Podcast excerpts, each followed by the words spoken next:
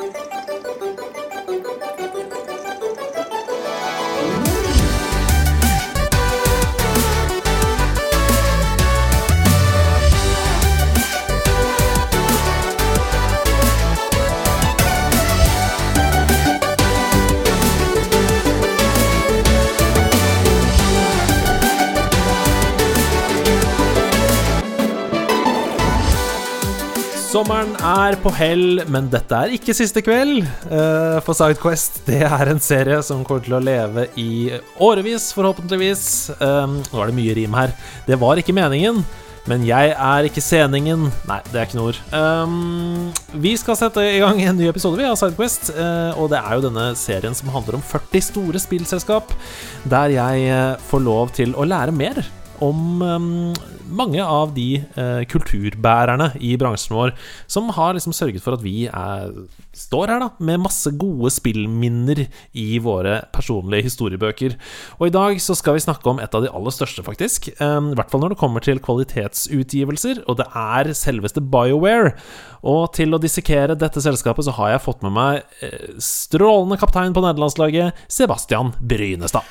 Sommeren er kort, det meste regner bort. Å nei, der rima jeg også, gitt. Andreas Hedman. Men det, sånn har det blitt. Vi er driver med mitt, og hvordan går det med ditt? Det er hyggelig å være her. Andreas Hedman, mannen som podcaster Sidequest kan. Da har jeg også fått rimet meg i gang. Det er bra, der har vi dobbel intro. Det er eh, det beste jeg vet. Hadde, du, prøver du å si at det hadde holdt med hei? Nei da, på ingen som helst måte. Det holder okay. aldri med et hei. Eh, hvordan, hvordan har du det? Har du det fortsatt fint? Du, jeg har det fortsatt fint eh, en uke senere. Eh, sommeren er litt mer på hell, men eh, det er også veldig deilig da å være i gang med Prosjekt Nerdelandslaget, dette nydelige, nydelige Denne nydelige gjengen. Det, det Ja, det koker og går. Det blir eh, mye fint innhold denne høsten. Um, og mer skal det bli. Det ja, det er jo på mange måter dette som er meningen med livet for oss, da. Vi holder jo på med andre ting og sånn, men um, når vi får lov til å sitte her og prate um, om nerdete ting, det er da vi kjenner at vi lever, er det ikke det? det er, altså, absolutt. Jeg kjenner også altså, Man kjenner at man lever generelt, men det er, det er deilig å få lov til å dykke ned i nerdinga si. Derav tittelen Nerdelandslaget. Ja, og vi, eh, for de som ikke har hørt på denne serien før, så er jo det um, en, ja, et slags eh, foredrag om spillhistorien til et selskap, der hvor uh, gjesten, i dette tilfellet uh, programleder Sebastian, uh, kicker inn iblant og sier hei og hå når han blir inklu inkludert i samtalen. Hva syns du om dette formatet, egentlig? Bare sånn kort. Altså nå altså, vet du hva, nå preker du til koret her. eh, mm. hva, hva jeg syns om dette formatet. Du vet jo at dette er en av mine absolutt favoritting å være med i. Ja, Fordi her, her kan man lene seg tilbake og, og Litt memory lane. Noen ting lærer man nytt, og, eller masse lærer man som regel nytt. Og det er, det er i det hele tatt alltid spennende og interessant. Et kjapt spørsmål. Er det lov til å nyte medbrakt brus mens man eh, lytter på? Åh, det er så lov. På denne, på denne um, I dette foredraget så er uh, det aller meste lov, faktisk. Så um, det er bare å nyte brus. Jeg tror jeg bare setter i gang, jeg. Åh, snurr foredrag. Og jeg måtte bare si Altså, jeg lærte så mye da jeg holdt på med dette manus her. Fordi Ja, jeg tror jeg bare kjører i gang, jeg. Altså, spillutvikling kan jo være blant de aller mest skremmende feltene å komme inn i. Det vet vi jo. Eh, og det er mange veier å komme inn i den bransjen på. Jeg jobber i et e-sportselskap nå. Det hadde jeg ikke trodd da jeg begynte på Westerdals, men jeg gjør det. Eh, Og BioWares grunnleggere, Ray Musica og Greg Seshuk, de møttes de ved University of Alberta i Canada. Og der studerte de medisin. Eh, og det, det de gjorde der, det var at de jobba først sammen eh, rundt programmering av pedagogisk programvare for det medisinske fakultetet på studiet. Eh, den duoen at de fikk snart selskap av en person som heter Augustin Jipp. Og vedkommende samarbeida med dem om et medisinsk simuleringsprogram. Um, og det arbeidet som de holdt på med der, det har de senere sagt i intervjuer at ja, det var tilfredsstillende i den forstand at det bidro til at folk ble friske. Men det var en kreativ kløe der som ikke ble tilfredsstilt. Ja, ikke sant? Så- Fordi med en medisinsk sim så mener du ikke Theme Hospital, med andre ord. Nei. Det var et simuleringsprogram som er sånn Hvordan utvikler en bakterie seg, f.eks. Um, simulere ulike sånne ting. Ja. Så um, disse tre menneskene, Musika, Seshuk og Jip, uh, de slappet av ved siden av studiene sine med å spille masse, masse dataspill. Og etter noen år sammen så innså de at det var der lidenskapen deres lå. Eh, men det var jo nettopp da denne suksessen innen medisin som ga dem de nødvendige ressursene for å starte sitt neste foretrekk. Og i februar 1995 så starter de tre et spillselskap som de kaller for BioWare. Eh, og, og da skjønner du jo selvfølgelig navnet. BioWare. Ja, selvfølgelig! ja, er ikke det deilig? Jo, men, eh, men eh, het de liksom Het de BioWare før, eller var det da det kom og de tenkte Nei, det kaller vi oss. Nei, det var da det kom, ja. Uh, Ja, ja ok, Så det er en liten hommage, et lite nikk til seg selv, rett og slett. Så de samla de skrapa sammen 100 000 dollar, de tre. Uh, og det var ganske mye i 1995. eh, Og satte seg da sammen for å lage sitt første spill. Um, og de har tydeligvis lært masse av å spille spill selv. eh, og de kunne jo delvis utvikle fordi de hadde gjort disse medisinske programvarene og sånn, men de utvikla et sånn proof of concept-demo, da, for det som til slutt skulle bli spillet Shattered Steel. Deres aller første spill.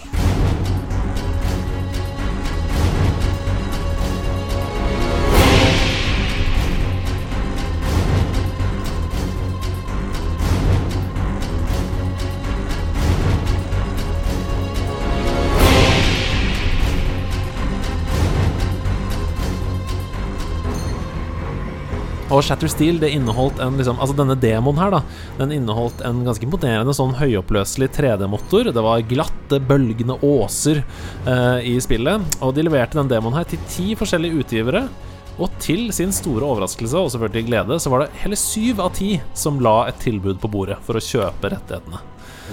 Um, så de signerte da med en publisher som heter Interplay. Og det var et trekk som skulle bli veldig veldig viktig. Eh, vi kommer tilbake til det, men den avtalen eh, som de signerte da, det betalte tilbake hele den første investeringen på 100 000 dollar, og ga dem i tillegg tilgang til da utviklingsressursene til Interplay. Um, så det var en god deal for dem. Og Shattered Steel, har du noe forhold til Shattered Steel? Absolutt ikke noe forhold til Shattered Steel. Nei, det hadde ikke jeg heller. Før jeg begynte å lese denne historien. Det er en mech-shooter. Altså, du sitter inni en mech som er en slags sånn um, Du sitter inni en slags sånn pilot Hva heter det der hvor du er pilot? Cockpit. Ja, i cockpiten, ja. Og så ser du ut gjennom den, og så er det liksom åser Husker du det der Star Wars-spillet på Nintendo 64, der hvor du gikk inni en sånn um, Den Star Wars-fienden som er, har sånn bein som de surrer uh, De surrer tau rundt, og så velter. En AT-AT, som vi Ja, det. en AT-AT. Det, det er sånn. Du, Ja, det føler okay. som du sitter inne i cockpiten på en sånn. Ja, ja, ja. ja. Og, men altså, dette føler jeg ofte altså, Jeg føler ikke det er første gangen i foredragene jeg hører at det første spillet folk lager, er et sånt MEC-spill inni cockpit. Skjønner du hva jeg mener? Nei, og det var jo fordi den tiden her, altså 1995, så var det dritpopulært. Ja. Uh, den type spill. Så man safer kanskje litt i starten, da. Og ikke minst, de var jo ivrige dataspillere alle sammen, så de gikk jo for noe de kjente, da. Ja. Um, og Shatter Steel det var en beskjeden suksess, det, rett og slett. Mottok eh, positive anmeldelser, solgte greit. Eh, og Det er ikke alle første spill som selger greit, så det, det, ja. Og det de fikk spesielt skryt for, det var at eh, For det første så var terrenget veldig detaljert. Men det var deformerbart. Altså, du kunne skyte i terrenget. eh, Og skyte på en måte ut kratere på sider av åser og sånn. Sånn at du kunne liksom- Environmental destruction. Rett og slett, sånn at du kunne da strategisk eh, posisjonere deg da Først ved å skyte ut et hull i en ås, og så liksom ta ut fiender fra det hullet og sånn. Um, så ja, det, det fikk veldig mye skryt, og det var nyskapende. Mm, ja, eh, altså det, det, høres jo, det høres jo uh, veldig gøy ut. Har du sett noe videoer og sånn av det? Har det tålt tidens tann, mener du? Det har ikke tålt tidens tann, uh, men men det er, det er rett og slett det det er. Det, det er veldig sånn eh, naivt og enkelt eh, landskap, hvor du går rundt inni en mekk og skyter som en mekk. Og det, det gir deg absolutt følelsen av at du er inni en tung robot. Det er sånn med venstre og bein, høyre bein, liksom. Men det, er ikke, det, er ikke, det ser ikke gøy ut. Det gjør det ikke. Hvilke plattformer er dette? Er det bare PC, eller? Ja, det var Atari og ja, PC. Um, Ok. Men øh, grunnleggerne da til BioWare, disse tre, de har jo innrømma i intervjuet senere at de forventa ikke veldig mye, egentlig, da de starta selskapet. Eh, det var bare sånn eh, Do what you love. Vi har lyst til å gjøre dette. Eh, men samtidig som det så hindra det ikke dem i å konstant tenke framover. Altså, selv da liksom Shatter Steel var halvveis i utvikling, så jobba de kjempehardt parallelt med et helt annet prosjekt. Um, av et mye større omfang. Så det var liksom sånn uh, Ja, jeg sitter og Altså, Shatter Steel, alt av law og sånn er ferdig, nå er det bare koding. Så jeg koder halve dagen, og så utvikler jeg noe nytt ved siden av. Og det, Ah, det, det, det viser jo en sånn kreativitet, da. Ja, Um, ja, altså det er jo det er ganske smart. Det er jo veldig Det kjenner jo helt sikkert du igjen. Vi er jo begge fra en kreativ TV-bransje. At noen ganger så er det lurt å legge ting litt til siden og jobbe med noe annet, for da blir du mer kreativ på det andre igjen. Og disse tre grunnleggerne og ansatte også, de hadde jo måttet eh, ansette flere folk nå. De var lidenskapelige fans av rollespill. Og da rollespill både på PC, men også i penn og papirform. Så de ønsket å prøve seg på et kjempestort RPG i sin helt egen stil. Og de besluttet å lage et flerspiller sanntidsspill basert på Dungeons and Dragons-regler. Um, og det var en kontroversiell avgjørelse. Det ble veldig mye skeptis, uh, og til og med hån fra liksom hardcore RPG-fans. Og spesielt fordi Blizzard sitt Diablo hadde jo nettopp kommet. Um, og Diablo tok jo RPG-sjangeren hardt videre, og folk var sånn Det er umulig å lage noe tradisjonelt RPG nå, fordi nå har Diablo kommet. Men BioWare sitt spill det var ikke et Diablo, og det prøvde aldri heller å være et Diablo. De satte fokus på rollespill i klassisk forstand, helt tilbake til røttene, og de kalte det for Balders Gate.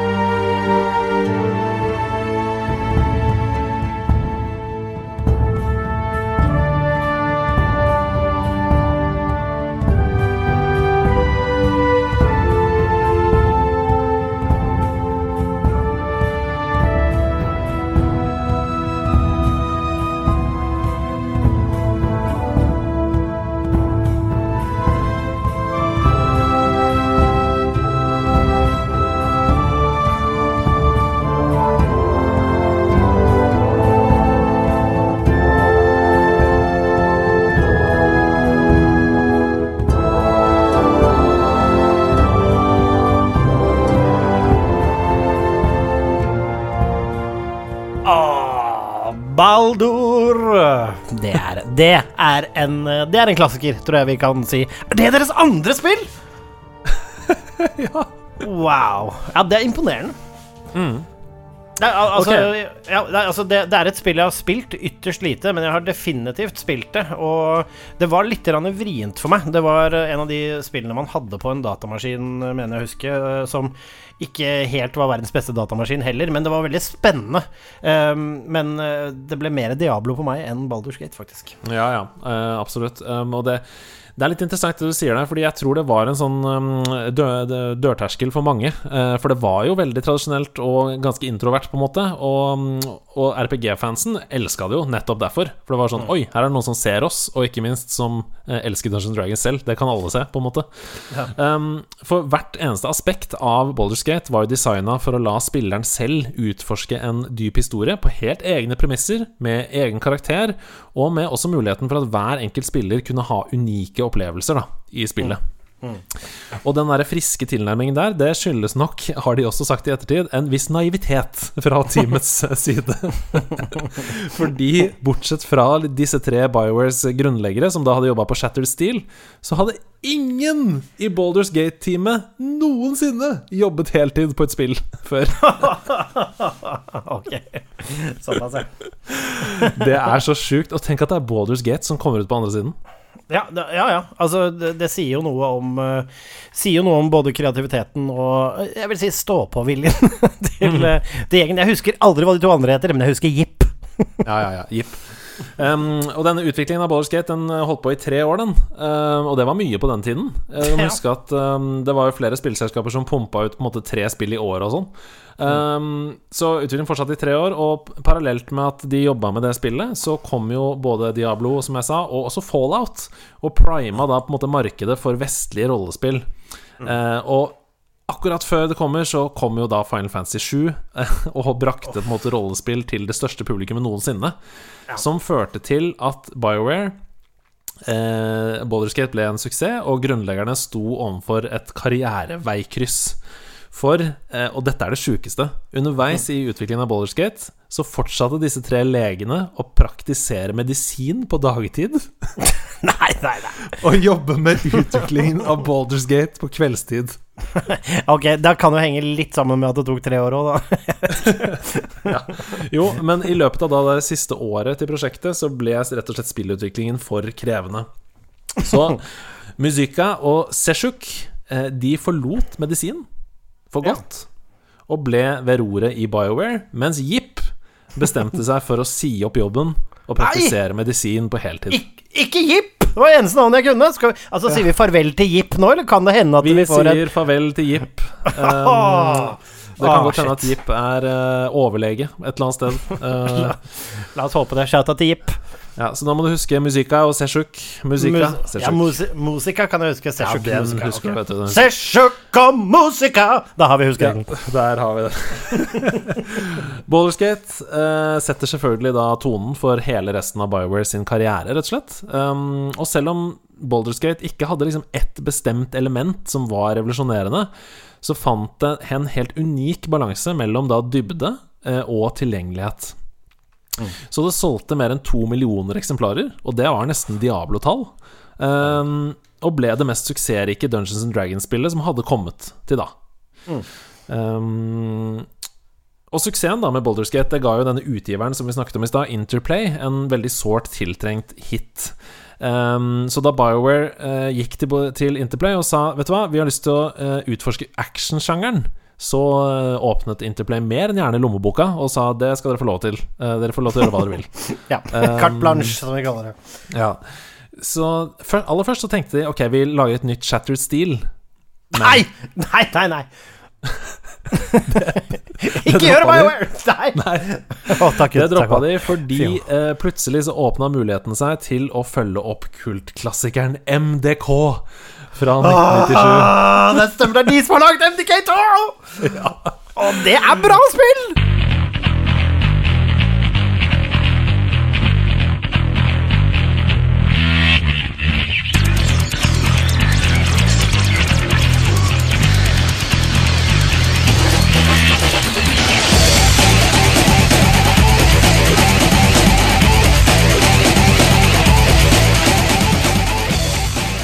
Ja, og det ble for fristende, rett og slett, til å la være å prøve. Eh, og enda bedre, de fikk lov til å utvikle oppfølgeren på Dreamcast. Eh, Og det ville jo da tillate BioWare å prøve seg på konsollutvikling for første gang. Eh, og på en helt ny generasjon maskinvare. Og det tiltaket her det ble jo møtt med en viss skepsis, for BioWare-navnet var veldig sterkt knytta til rollespill nå.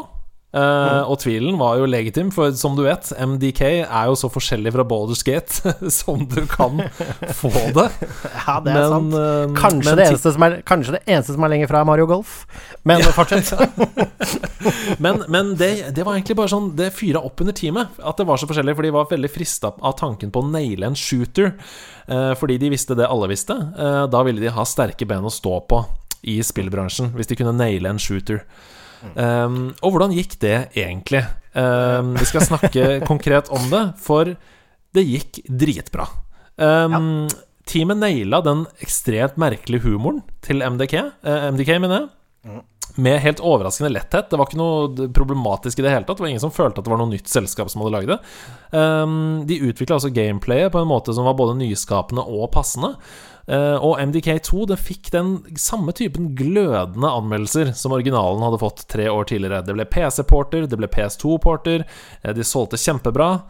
Men til tross for det så ble MDK2 siste gang BioWare prøvde et rent actionspill, eller da til og med våget seg utover RPG-sjangeren. Vi skal komme tilbake til det etterpå.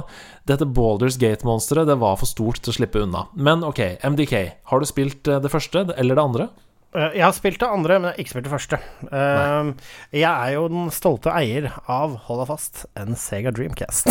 Ja. Og Sega Dreamcast Jeg Nå må jeg innrømme at jeg ikke husker om jeg spilte det på PlayStation eller på Dreamcast. eh, Men eh, det må jeg se. Hvilken CD er det som er hvilken? Det får jeg ikke sjekka på Eller får jeg sjekka? Gi meg ett sekund, skal jeg se om jeg får sjekka det. Ja, i mellomtiden så kan jeg snakke litt, fordi Nei, nei, um, det ligger ikke her. Det ligger her. Men samme det. Um, uh, ja, eh, og gøy i sin tid. uh, mener at liksom det har liksom til dels tålt litt tid, men egentlig ikke tålt tiden. Med det jeg mener å huske om det spillet. Jeg så litt på gameplay og sånn i stad, og det er noen ting som er veldig gøy. Eh, litt sånn plattforming med en rakett-jetpack på ryggen og sånn, som så veldig gøy ut. Og så noe sånn Ja, litt sånn irriterende hitbox-ting og sånn. Um, Men, men eh, litt som du var inne på der, Sega Dreamcast hadde jo ikke et enormt bibliotek av fantastiske spillopplevelser. Det var ikke noe dårlig i det hele tatt, det var, det var mye bra der. Men når det kommer et spill som får såpass gode anmeldelser, så kjøper man jo det hvis man har en Dreamcast. Uh, ja. Ja, altså jeg kjøpte jo Det skal sies, jeg kjøpte Dreamcasten min uh, sent. Altså jeg var Ja. det, det var lenge etter den, lenge etter den storhetstid. Det var liksom Post mortem. Post mortem kjøpte jeg min, men uh, da fikk jeg med en uh, Vast-katalog, og det var en av de som ble, som ble, en av de som ble testet. Mm. Men jeg hadde Altså, ja, som du sier, altså det var det, det er et bra spill, og det er gøy og en del morsomme ting, men det er litt klønkolini og Det er et actionspill. Det er et veldig gammelt actionspill. Ja, ja, det er absolutt. En oppfølger og en utvidelse av Balders Gate var faktisk i gang så snart det første spillet hadde blitt shippa. De begynte med en gang på oppfølgeren. Eh, de hadde jo en spillmotor, og de hadde en velprøvd formel som allerede var på plass. Så utviklingen av Balders Gate 2 gikk jo i mye raskere tempo enn eh, det første. Det kom faktisk på markedet under to år etter det første. Og anmeldelsene var enda bedre enn det første spillet. Det plasserte Baldur's Gate 2 blant de best vurderte PC-spillene eh, inntil da. Eh, solgte ytterligere to millioner eksemplarer, matchet suksessen til det første og rett og slett sementerte eh, Biowares rykte som et RPG powerhouse. Ja. Men Baldur's Gate 2 og MDK2 var ikke nok til å støtte overlevelsen av Interplay. Og det er synd, for det var masse dyktige folk som gjorde en kjempejobb med BioWare, men utgiveren ga også ut en rekke spillskuffelser som til slutt gjorde at Interplay gikk konkurs. Um, men det var ikke trist for BioWare, fordi helt fra begynnelsen Vi har jo allerede sagt det uh, flere ganger, men helt fra begynnelsen har jo BioWare alltid tenkt liksom to skritt framover. De har utvikla prosjekter parallelt med at de har holdt på med andre. De har liksom søkt etter måter å one-uppe seg selv på, uh, på spill som de ikke engang har shippa til utgivelse. Så har de allerede tenkt sånn Hvordan kan vi lage spill som er bedre enn det vi jobber med nå? Ja, det, det, det er veldig bra. Bare lite sidespor. Veit du hvordan det går med Jipp på denne tida? Da har du mista Jipp totalt nå. Jipp har jeg skrevet ut av historien. ok, fuck. Jeg skal google Jipp etterpå. Ja, du må google Jipp etterpå. Uh, fordi uh, Baldur's Gate 2 var jo ikke i butikken engang.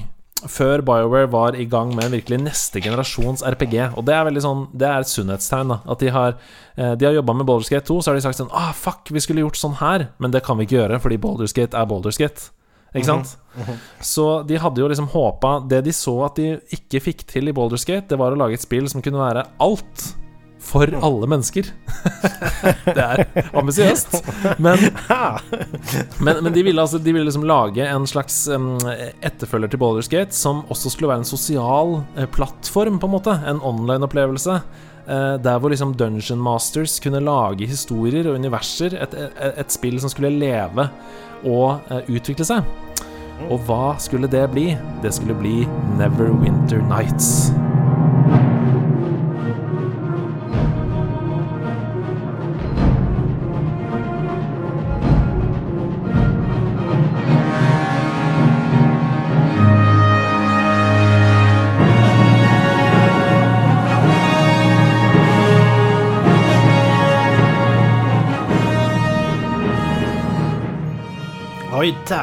Støtte sykkeldøtte.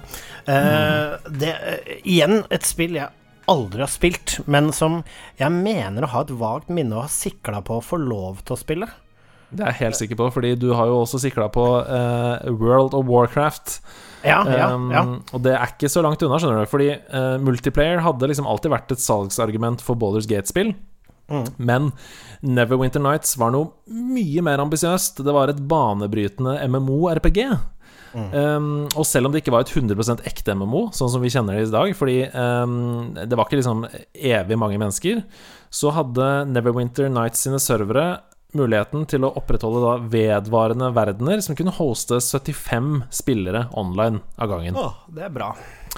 Og så hadde man muligheten til å koble til flere servere da, for å skape en større verden, hvis man ville det. Men i utgangspunktet så var det sånn at det var 75 på hver server. Mm. Eh, og for å liksom, som jeg sa, denne sosiale plattformen, denne utviklende greia, for å fange den kreativiteten da, som man har i sanne rollespill, altså pen and paper-rollespill, så inkluderte BioWare et generøst, skikkelig sjenerøst eh, toolset, rett og slett, som lot spillerne lage eget innhold. eh, bygge verdener, bygge historier, designe oppdrag i spillet.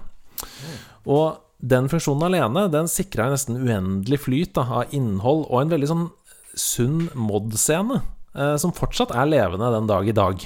Uh, og det er ikke så veldig rart, fordi når folk blir uh, lytta til og får de verktøyene de trenger og sånn, så det vet vi jo med Minecraft, f.eks. Da, blir det- da blir det noe som folk gjør til en hobby, på linje med liksom klatring eller maling eller fotball. Eller gaming. Uh, ja, ikke sant? Men, men, men mer sånn altså at den modding, da Modding Ja. i Neverwinter Nights blir det du driver med, på en måte. Ja, ja. Um, så, så i dette mod-miljøet så ble det utvikla en eh, 100% Bioware-støttet DM-modus. Der hvor én spiller kan på en måte påta seg rollen som Dungeon Master og kontrollere alle aspekter av andre spillers spill i sanntid. Oi, dette Akkurat som man ville gjort da i et penn og papir-rollespill, sånn som Dungeons and Dragons, ikke sant? mm. og, og da, Men da snakker Dungeon Master med de, da, over nettet? Ja, ja, ja. eller? ja Absolutt. Ja. Da er man, Si at man er ti stykker da i et party, Ja. og, så, og så sier liksom eh, karakteren Dungeon Masteren sier eh, Du står som du ser nå overfor en drage. Hva ønsker du å gjøre? Ønsker du å slå dragen eller løpe? Ikke sant?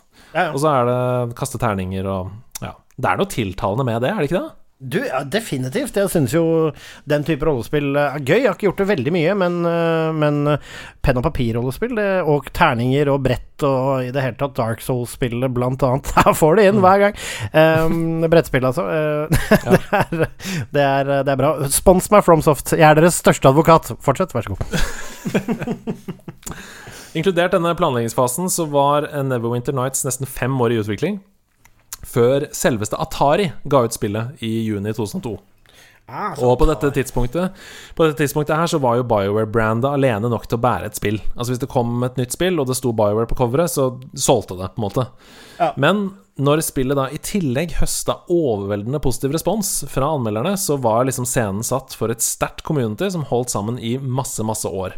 Eh, og derfor så var det helt uunngåelig å lage en oppfølger til Neverwinter Nights, men den oppgaven overlot BioWare til et lite selskap som vi er veldig glad i, som heter Obsidian. Ja Ja, ja, ja, ja, ja. Obsidian, vet du. Mm.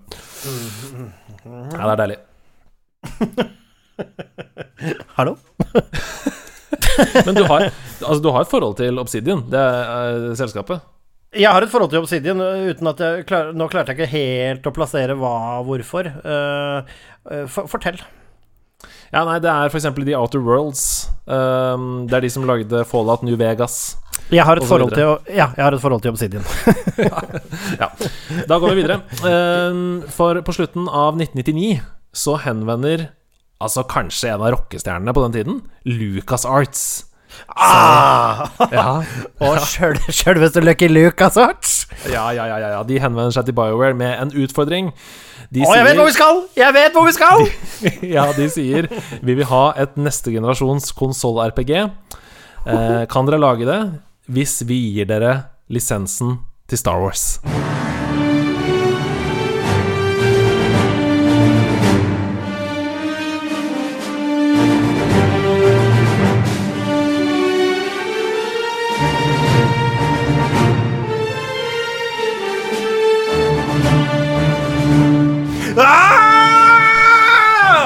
Fy faen, altså. Det er, å, tenk deg det. Nå, tenk hvordan Jepp må ha fulgt, ført det på legekontoret. Jepp drikker surt av kaffen og slår neven i legebordet og tenker 'jeg kunne ha laget Nights of the Old Republic'. Ja, for um, teknisk sett så var det ikke så vanskelig uh, å lage et uh, neste generasjons konsoll-RPG. Uh, for Neverwinter Nights gjorde jo da at BioWare hadde en solid 3D-motor de kunne bruke som base, og dessuten så hadde jo disse MDK, MDK2-veteranene i teamet De hadde erfaring med konsollspill. Så utfordringen var ikke det tekniske, det var å designe et spill som både kunne være tilgjengelig for konsollpublikummet, men uten å miste den der dybden som BioWare sine spill var kjent for. Så i stedet for liksom pek og klikk-navigasjon, så brukte de helt normale kontroller, som vi kjenner i dag, men de beholdt dette regelbaserte gameplay-aktig fra Dungeons Dragons. Så visuelt så så fightene ut som eh, sverdkamper, gønnerdueller, men under overflaten så ble jo disse terningene kastet, da, for å bestemme alt. Stemmer. Så det, det, det underutnyttede Old Republic-miljøet, som var etablert i den Star Wars-lauren 4000 år før filmene, det hadde liksom Bioware lyst til å utforske. Og det var flere grunner til det, men det, eh, det viktigste var at det tillot teamet å gå ut av skyggen fra den ikoniske originale trilogien, og ikke minst unngå å tråkke inn i den veldig polariserende nye trilogien. I, I, tillegg til at de kunne, I tillegg til at de kunne putte inn masse egne ideer, da. Så vi skal, snart, vi skal, snart, snakke om din uh, konkrete opplevelse med Kotor, men jeg må bare si at Star Wars-lisensen åpnet BioWare for et helt nytt publikum, som aldri i verden ville ha vært interessert i et Dungeons and Dragons-spill hvis de hadde fått vite om det. Så Nights of the Old Republic blir selskapets best anmeldte spill gjennom historien. Det står mhm. fremdeles som det tredje høyest rangerte spillet på Xbox, altså på hele Xbox, ifølge Gamestats. Eh, Xbox-versjonen solgte over en million enheter i Nord-Amerika. Eh, men nok en gang så orket ikke BioWare å lage en oppfølger selv, og nok en gang ga de stafettpinnen videre til Obsidian, som lagde da Nights of the Old Republic 2. Og det er Men, jo ikke akkurat et drittspill, det heller. Nei, det er det ikke.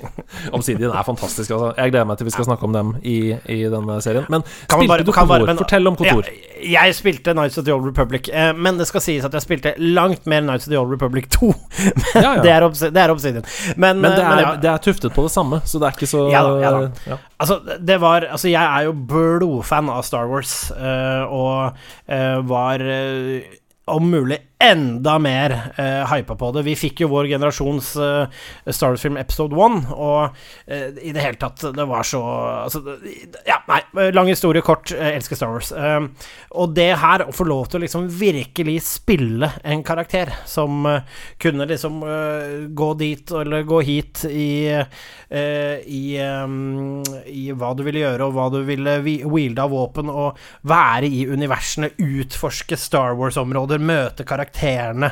Bygge liksom en, en Bounty Hunter eller en Jedi-style. Altså, det spillet, det, altså de spillene, og spesielt toeren, det har jeg mange, mange timer i. Det er mm. helt fantastisk, perfekt spill. Var ikke så krevende heller, så husker jeg uh, kjøpte meg en, en av de første laptopene mine som hadde litt gamingkapasitet, som jeg hadde på folkehøyskolen, og der husker jeg det kunne kjøre Kotor, uh, Kotor og på bra, på bra med, med, bra med bra nok speks til at det var gøy. Og ja, det var liksom Hver eneste kveld så var det tre etter undervisning, så dro vi unna en tre timer med Nights. ja. Det er, altså, det, er et, det er, et, helt fantastisk spill. Og uh, det som var litt gøy, var uh, faktisk nå på steamen min, så ser jeg bare ser jeg nå at uh, her ligger Nights of the Old Republic 2 klart lastet ned. Fordi uh, idet du sa hva vi skulle snakke om Jeg fikk en liten heads up først, og da ble jeg bare sånn Å ja, fuck! Det har jeg ikke spilt på mange år, så nå har jeg lasta ned Nights of the Old Republic 2, som er Obsidian. Og så skal jeg fyre opp det, da, vet du. Etterpå, etter vi har vært der, skal jeg spille Nights of the Old Republic igjen! Å, fy søren, så deilig.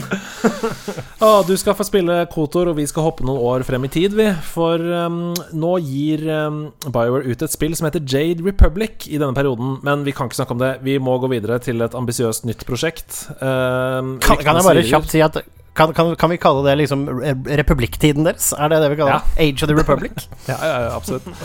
Um, det, la oss gjøre det. Uh, ryktene på dette tidspunktet svirrer om at BioWare skal prøve seg på et førstepersons skytespill RPG-hybrid.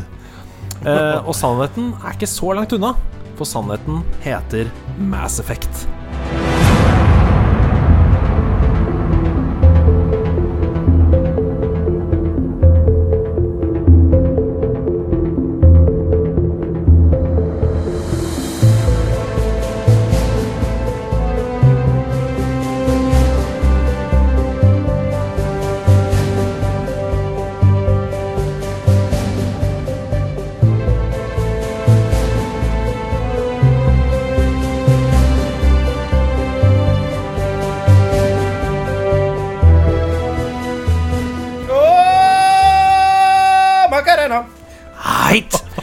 Og som vanlig gadd de ikke å lage en toer sjøl, eller å lot uh, Obsidian lage dem?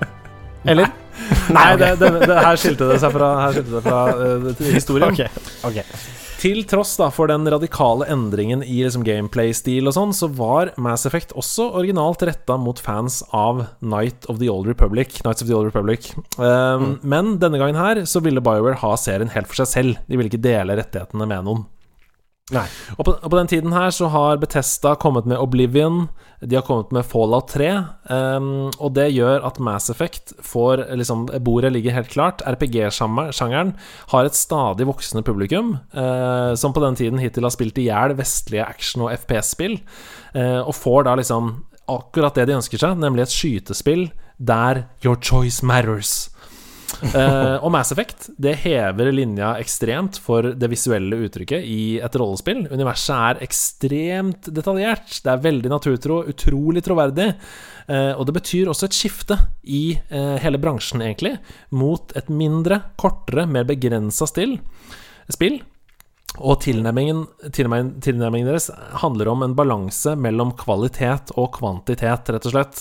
Det er en utrolig mengde detaljer i law, i bakhistorie, som gjør at verden føles full av overskudd og godt realisert, men ikke uendelig. Altså, det er ikke sånn at du skal spille dette i 250 timer, på en måte. Um, Som også gjør da at den kompakte følelsen gjør at de kan cramme det uh, fullt. Ok, Mass Effect, fortell. Har, har du noe forhold til denne serien?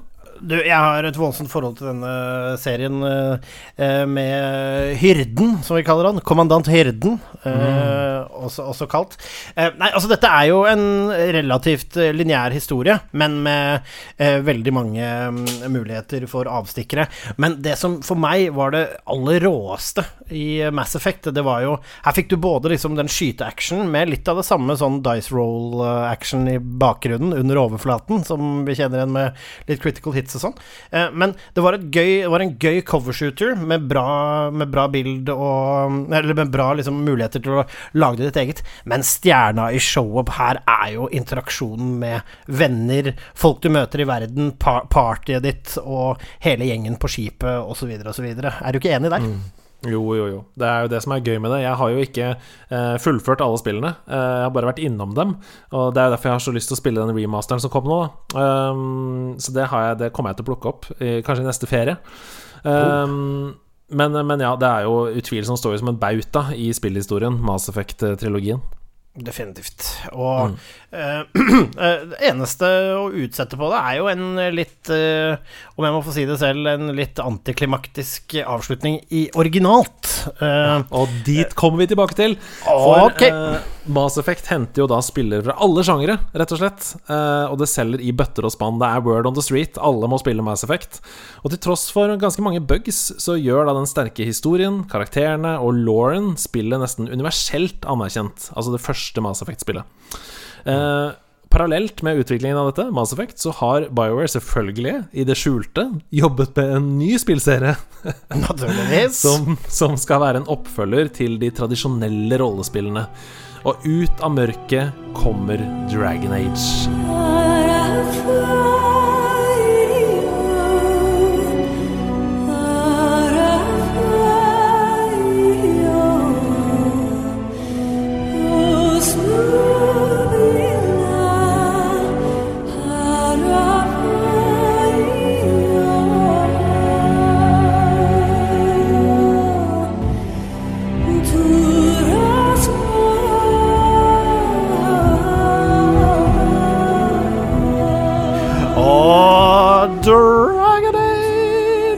Og Dragon Age Ja, det er nydelig. Dragon Age er altså spillet som blir regna som etterfølgeren til både Neverwinter Nights og Boulder Gates, minus da de irriterende Dungeons Dragons-lisensavgiftene som de ikke trenger å betale lenger. Ah,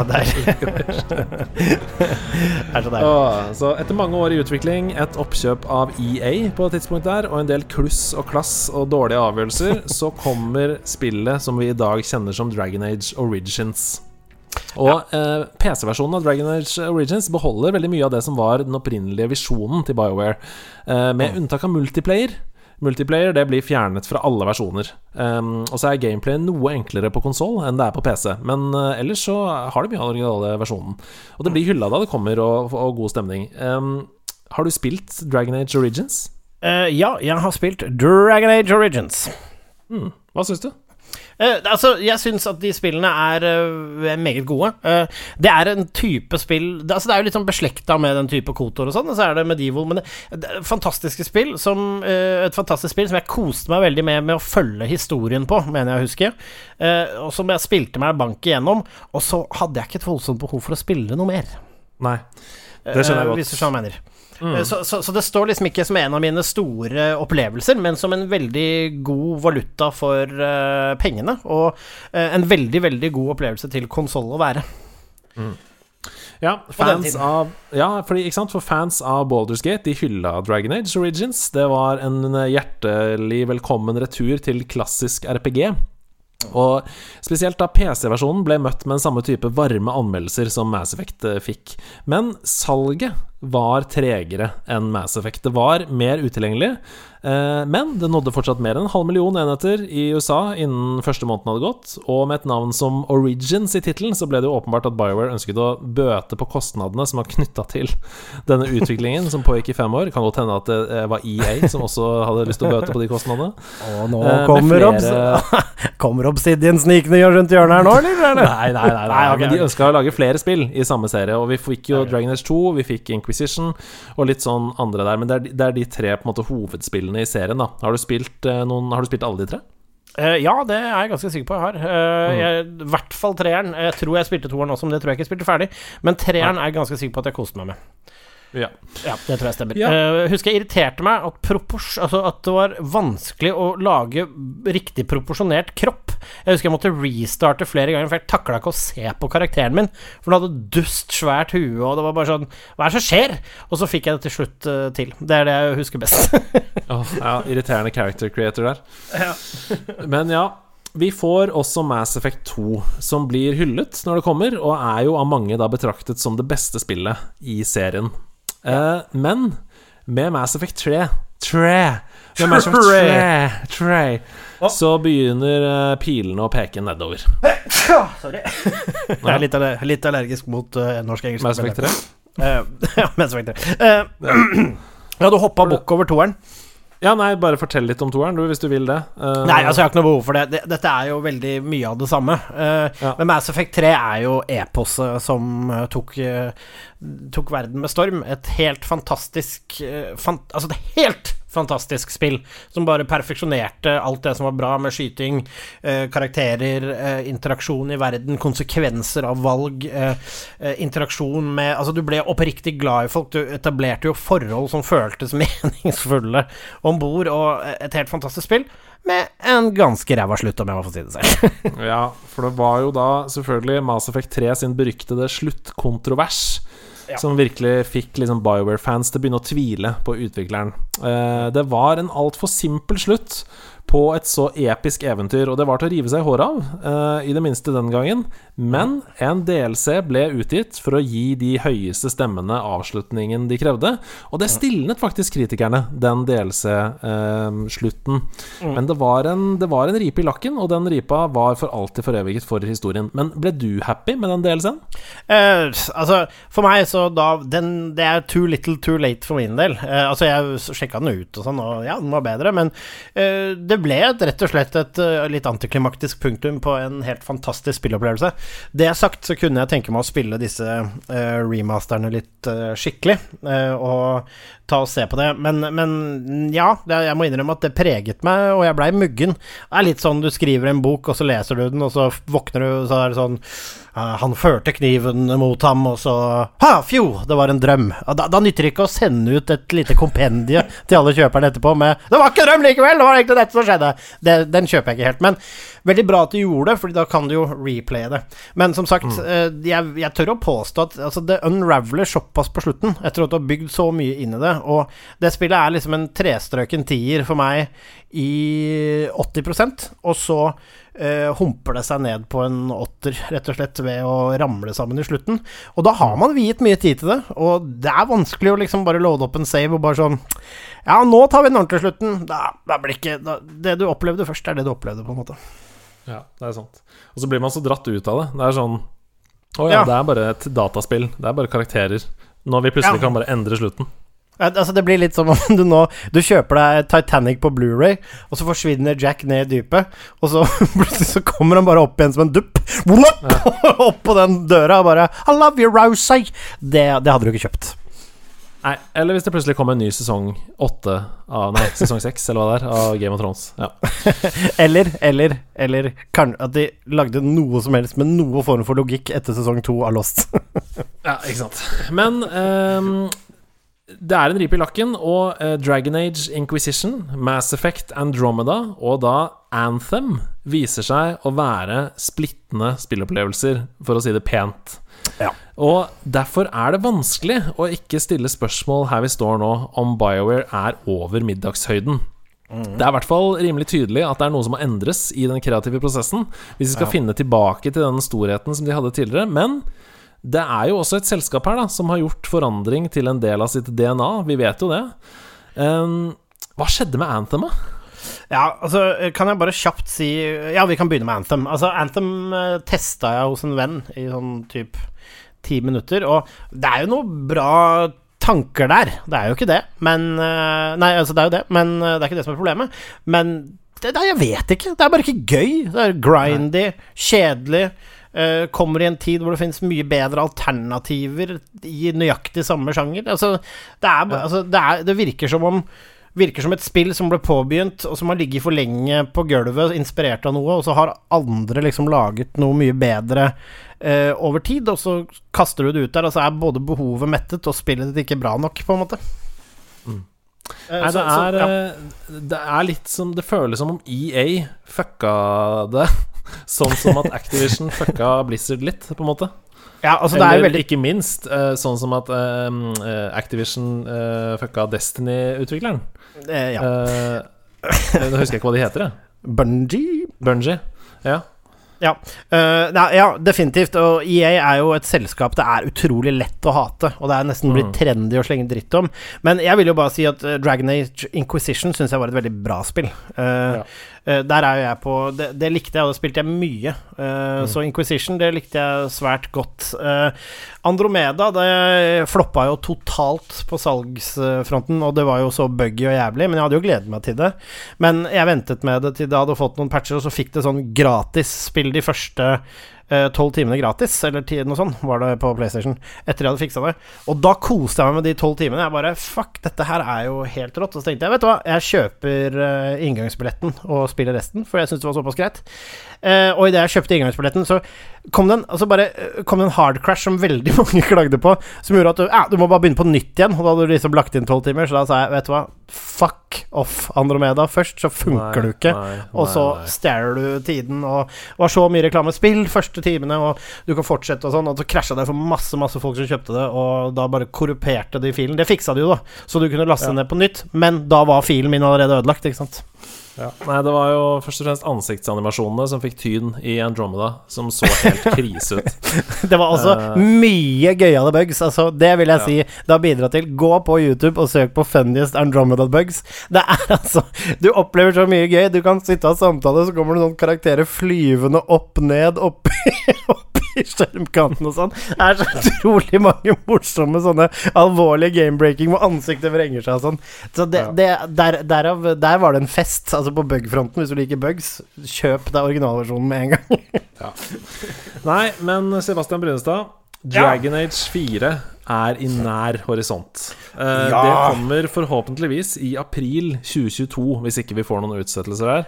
Og med andre ord så trenger vi jo ikke vente veldig lenge for å finne ut om BioWare kan gjenvinne tronen og utvikle RPG-sjangeren igjen, akkurat som de har gjort så mange ganger de siste 26 årene. Det er imponerende. De har vært med oss hele veien, Andreas Hedman. Fra første gangen vi ikke satte oss inn i en cockpit på en sånn robotwalker, og helt fram til i dag. men, men, men jeg må jo si, da, at det kan jo virke som om de på en måte eh, At rett før Jipp dro, så la hun igjen, Augustin, la igjen en perm med mange gode ideer som de på en måte har kommet i bunnen i, jeg? Så kanskje vi nå får vite. Uh, altså, jeg skal bli ekstra gira hvis det nå kommer en, uh, en liten vidd hvor de forteller at Jipp er tilbake. The band's back together. Da, da skal jeg tørre å være skikkelig hypa på Dragon Age. Vi er faktisk nødt til å uh, finne ut av hva Augustin Jipp driver med i dag. Eh, fordi Ja. vi kan ikke wrappe opp denne episoden uten, uh, uten det. Så nå går jeg altså inn her. Augustin Jipp, link, uh, LinkedIn. Å, stilig. Um, ja, For det første så er Augustin Jipp en mann. Det er det første vi må etablere. Augustin, altså vet du hva, det kan være begge deler, både gutt- og jentenavn, og det er helt innafor.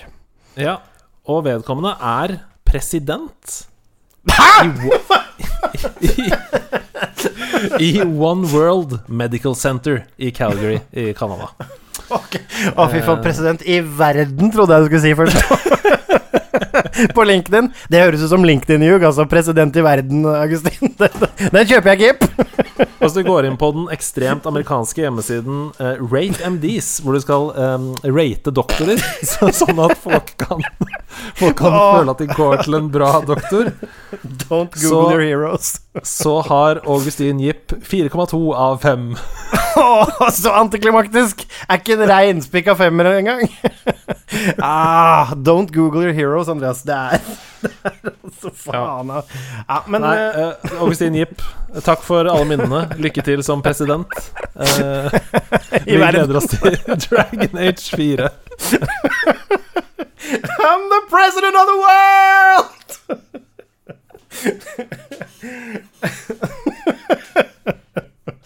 Det er veldig gøy at Augustin Jipp viser seg president i verden på, på LinkedIn!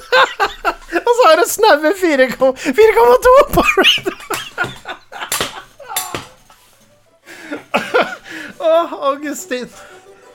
Augustin.